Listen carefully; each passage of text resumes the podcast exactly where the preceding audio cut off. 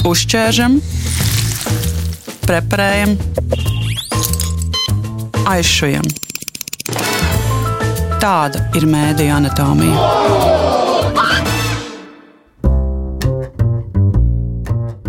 Šodien eh, gada pēdējā raidījumā Mēdīņa anatomija piedāvājam mediju notikumu apskatu par to, ar ko 2023. gads paliks mūsu atmiņā. Un šis gads paliks atmiņā ar to, ka sāka skanēt un turpina skanēt mediju anatomija. Līdz ar to arī ir uh, vairāki desmit raidījumi par uh, daudziem dažādiem notikumiem, bet šajās 15 minūtēs pieminēsim tikai tādus spilgtākos.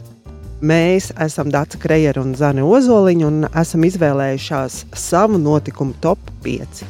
Sākam! Sākam!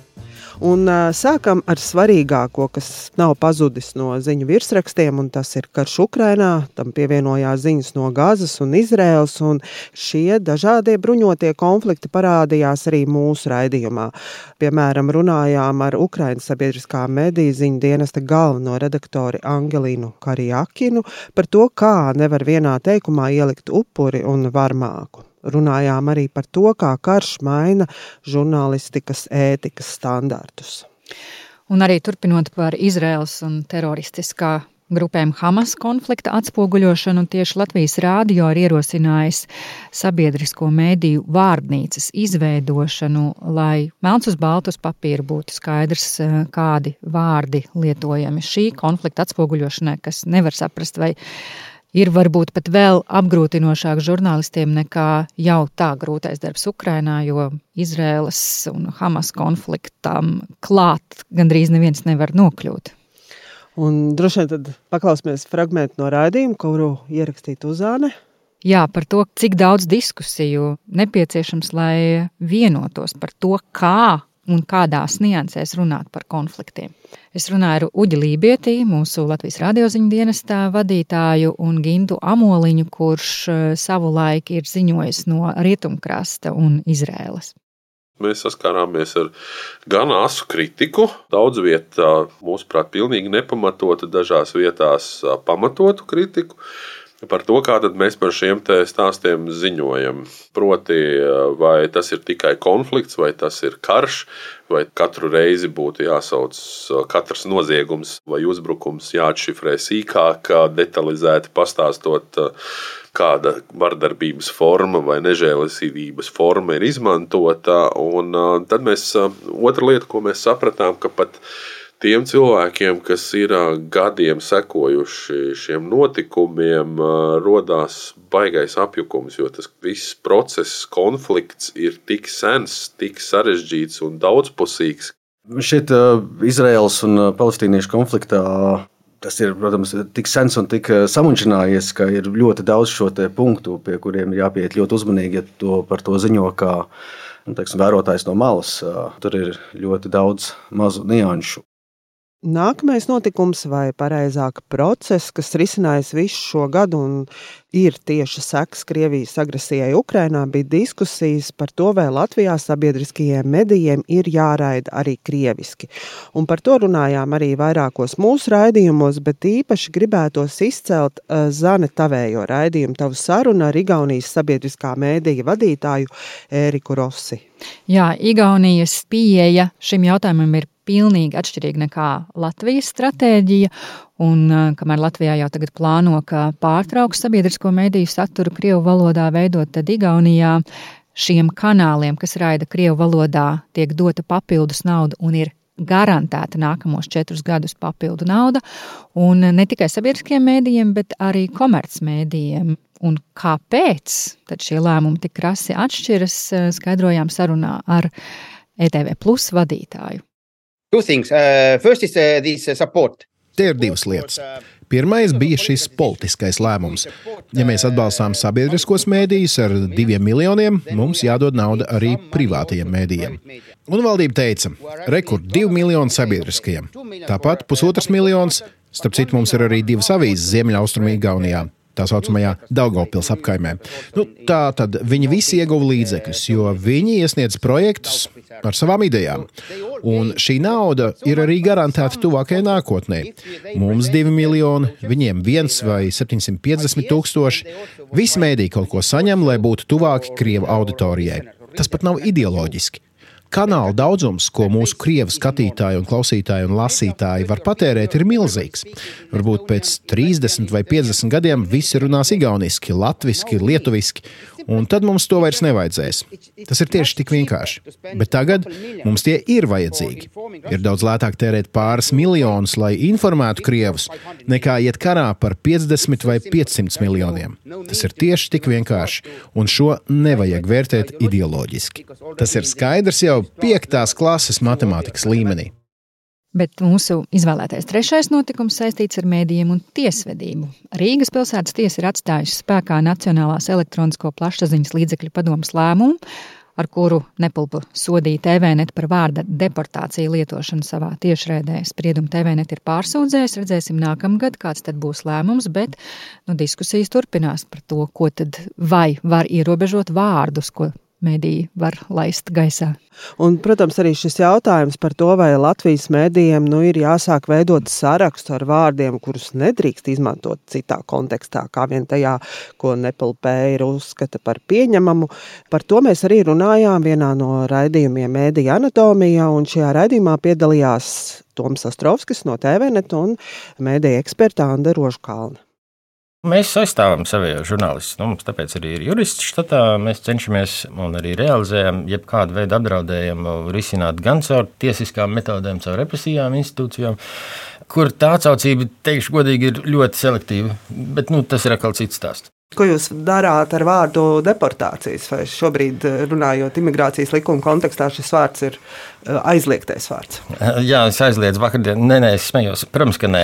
Vārds deportācija jau vispār ir eh, Eiropas Savienība, Eiropas komisijas dokumentos arī latviski. Ir ļoti bieži un daudz lietots. Tas ir piespiedu izsūtīšana, piespiedu izraidīšana. Un, protams, ka nē.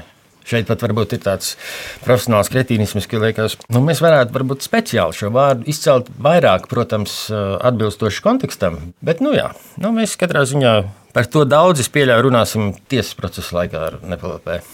Tie divi aktuāli avoti, kas ir, jā, nu, sākās pandēmijā, bet sevišķi kara laikā, ir politiski iesaistītu gan profesionālu politiķu, gan apolitiku strādājošu cilvēku, politisko sabiedrisko attiecību pārstāvji, dažāda veida ļoti teiksim, asas reakcijas un auditorijas, kuras reizēm saplūst, bet ir, es, es uzskatu, ka tas nav nu, ir jāskatās daudz detalizētāk, un reizēm teiksim, šie politisko uzskatu vai interešu pārstāvji izlieks par auditoriju un pat piesavinās arī man, kas pret mani ir vērsts, vai man rakstītajās vēstulēs, kuras arī redzu, nu, teiksim, tos pārmetumus tiek teikts sabiedrībai interesē, lai gan nu, nav nekāda tam pierādījuma. Bet, protams, auditorija ir aktīva, un, un tas arī kaut ko saka par to, kādā veidā tiek domāts, kas žurnālistam būtu vai nebūtu jādara. Jā, šis jautājums būs aktuāls arī nākamajā gadā. Te vēl gribu piebilst, ka šogad mēdījā vidē arvien vairāk mēdīju profesionāļi sāk runāt par slepu, jeb strateģisko tiesvedību, kuras mērķis ir apklusināt žurnālistus. Un TVNet gadījumā juristi saskata slepu pazīmes, un par to arī runājām mūsu raidījumā, ko vēl joprojām jūs varat noklausīties. Un vēl šis gads, domāju, visiem pagāja mākslīgā intelekta zīmē. Neskaitāmas diskusijas, semināri, konferences, prognozes par to, ko tad mums visiem nozīmē šī rīka ar vien plašāku izmantošanu, gan mēdīju darbā, gan varbūt žurnālistu darba daļu aizstājot, kā arī dezinformācijas izplatītāju rokās, ko nozīmē mākslīgais intelekts. Un uzzinājām arī, ka tas izaudzis tik tālu, ka spēj pat izveidot mēdīju un nolikt žurnālistus, kuri nemaz nesaprot, ka viņu boss ir mākslīgais intelekts un par to, kā neizsmeļamās mākslīgā intelekta iespējas ietekmē arī mediju ikdienu, runājām ar mediju eksperti Sabīnu Bērziņu. Viens no jautājumiem mums bija, vai līdz ar gudrākām tehnoloģijām ir apdraudēta žurnālistu profesija un ko mākslīgā intelekta iespējas nozīmē mums, mediju lietotājiem. Un lūk, kādu prognozi izteica Sabīna Bērziņa. Skaidrs, pirmkārt, ka vismaz pašreizējās tās programmas, kas ir pieejamas, viņas nerada oriģinālu saturu. Viņas var analizēt, bet ir kļūda iespējamība. Vienmēr tāpat ir nepieciešams redaktors, nu, ir kaut kādas halucināciju iespējamība, ir nepieciešams kāds, kas stingri pārlasa šo saturu un pārbauda. Es domāju, ka ir kaut kāda daļa žurnālistu, kur var nu, domāt, ka viņu darbs ir nu, apdraudēts diezgan droši, nu, tuvākajā nākotnē, bet tas drīzāk attiecās uz žurnālistiem, kuru uh, liela darba daļa ir pārstrādāt uh, un kūrēt citu veidot saturu, piemēram, preses relīzes, piemēram, tulkot un uh, kombinēt informāciju par kaut kādiem notikumiem ārzemēs. Savukārt tie, kuri veido oriģinālu saturu, nu, īpaši vēl iet, protams, uz ielām, intervē, veido reportāžu no kādiem notikumiem, tas nav iespējams. Un otrs, ChatGPT droši vien tuvākajā nākotnē nekad neveidos tādu žurnālistikas saturu, par kādu mēs žurnālistu vidē visvairāk lepojamies, un kāds ir sabiedriski nu, visnozīmīgākais. Bet kamēr uzklausījām visdažādākās prognozes par to, kā mākslīgais intelekts mainīs mūsu dzīvi, tikmēr mediju notikums, kurš patiešām ietekmēja mūsu dzīvi šogad, tas bija sports. Un tās bija hokeja un basketbola tiešraides, ko skatījāmies mēs visi. Tu taču zini arī, vai ne? Es gan skatījos, gan klausījos, kā tu runā par eh, strīmošanas servisiem, kuru lietotāju skaitu palīdz palielināt uh, sporta entuziasti, un ne tikai arī es. Pirms uh, fināla spēles basketbolā pieslēdzu um, platformu, lai to noskatītos, sēdēju mājās viena pat un raudāju. Mēs esam runājuši arī par aizkulisēm un par to, cik ļoti nozīmīgi tomēr lineārā televīzija joprojām ir tieši sportam. Un man šķiet, vismaz piecas reizes dažādos rēdījumos par to esam runājuši. Televīzija mirst, izņemot sporta pārraides tiešraidē. Vai esam TV sporta pārāžu skatītāju nācija? Pavisam nesen jautāja arī Latvijas sporta raidījumu producēšanas lietpratējiem Tomam Circenim no TV3 un Andrim Mušatskim no Latvijas televīzijas, un lūk, ko viņi domā par mūsu sporta skatīšanās tradīcijām. Un neesam mēs nekāds izņēmums, neesam mēs nekāda īpaša sportiskā nācija. Visā pasaulē tā ir, ja tai valstī iet, tad iet, ja neiet, tad neiet. Un salīdzinoši ar holandiešu dziedošo futbola fanu grupu, mēs esam melnu maziņi patiesībā uz tā fona. Ja? Un tad, protams, nāk hokejs, jā, tad mēs esam lieli, tad nāk basketbols, tad mēs esam lieli. Bet kopumā mēs esam tāpat kā visā pasaulē. Nekas tāds īpašs eh, gēns mūsos, fanošanas gēns nav cilvēks seko tam, kur ir panākumi. Un uh, šogad uh, pavisam noteikti mēs redzam, gan tas ir uh, pasaules kausa basketbolā, gan pasaules čempionāts hokeja. Nu, tie ir divi, nu, man, manuprāt, komandu sporta veidā absolūti veiksmīgākais gads ir 2023. Diemžēl, bet mēs neesam unikāli. Mēs sekojam arī panākumiem. Tā kā visā pasaulē, jebkur. Arī nākamais gads sporta mīļotājiem būs īpašs, jo būs jāsako līdzi vasaras olimpiskajām spēlēm, un visticamāk tas rosinās kādu jaunu tematu arī mūsu redzējumā, mēdīņa anatomija.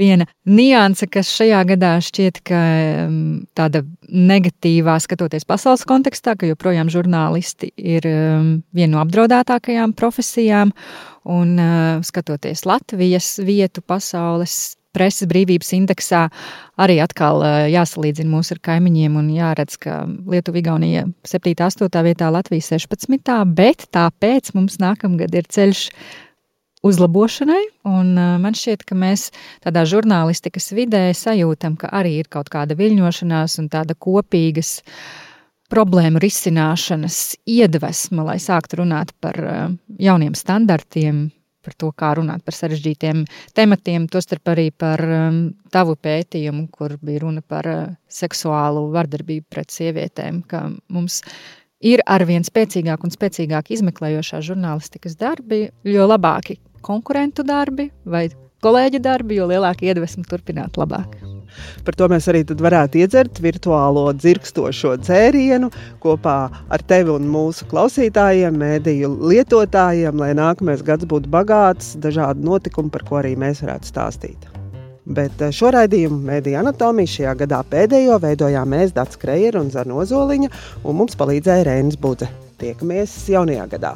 Laimīgu! Laimīgu! Uzķēršam, preparējam, aizšujam. Tāda ir mēdīņa anatomija.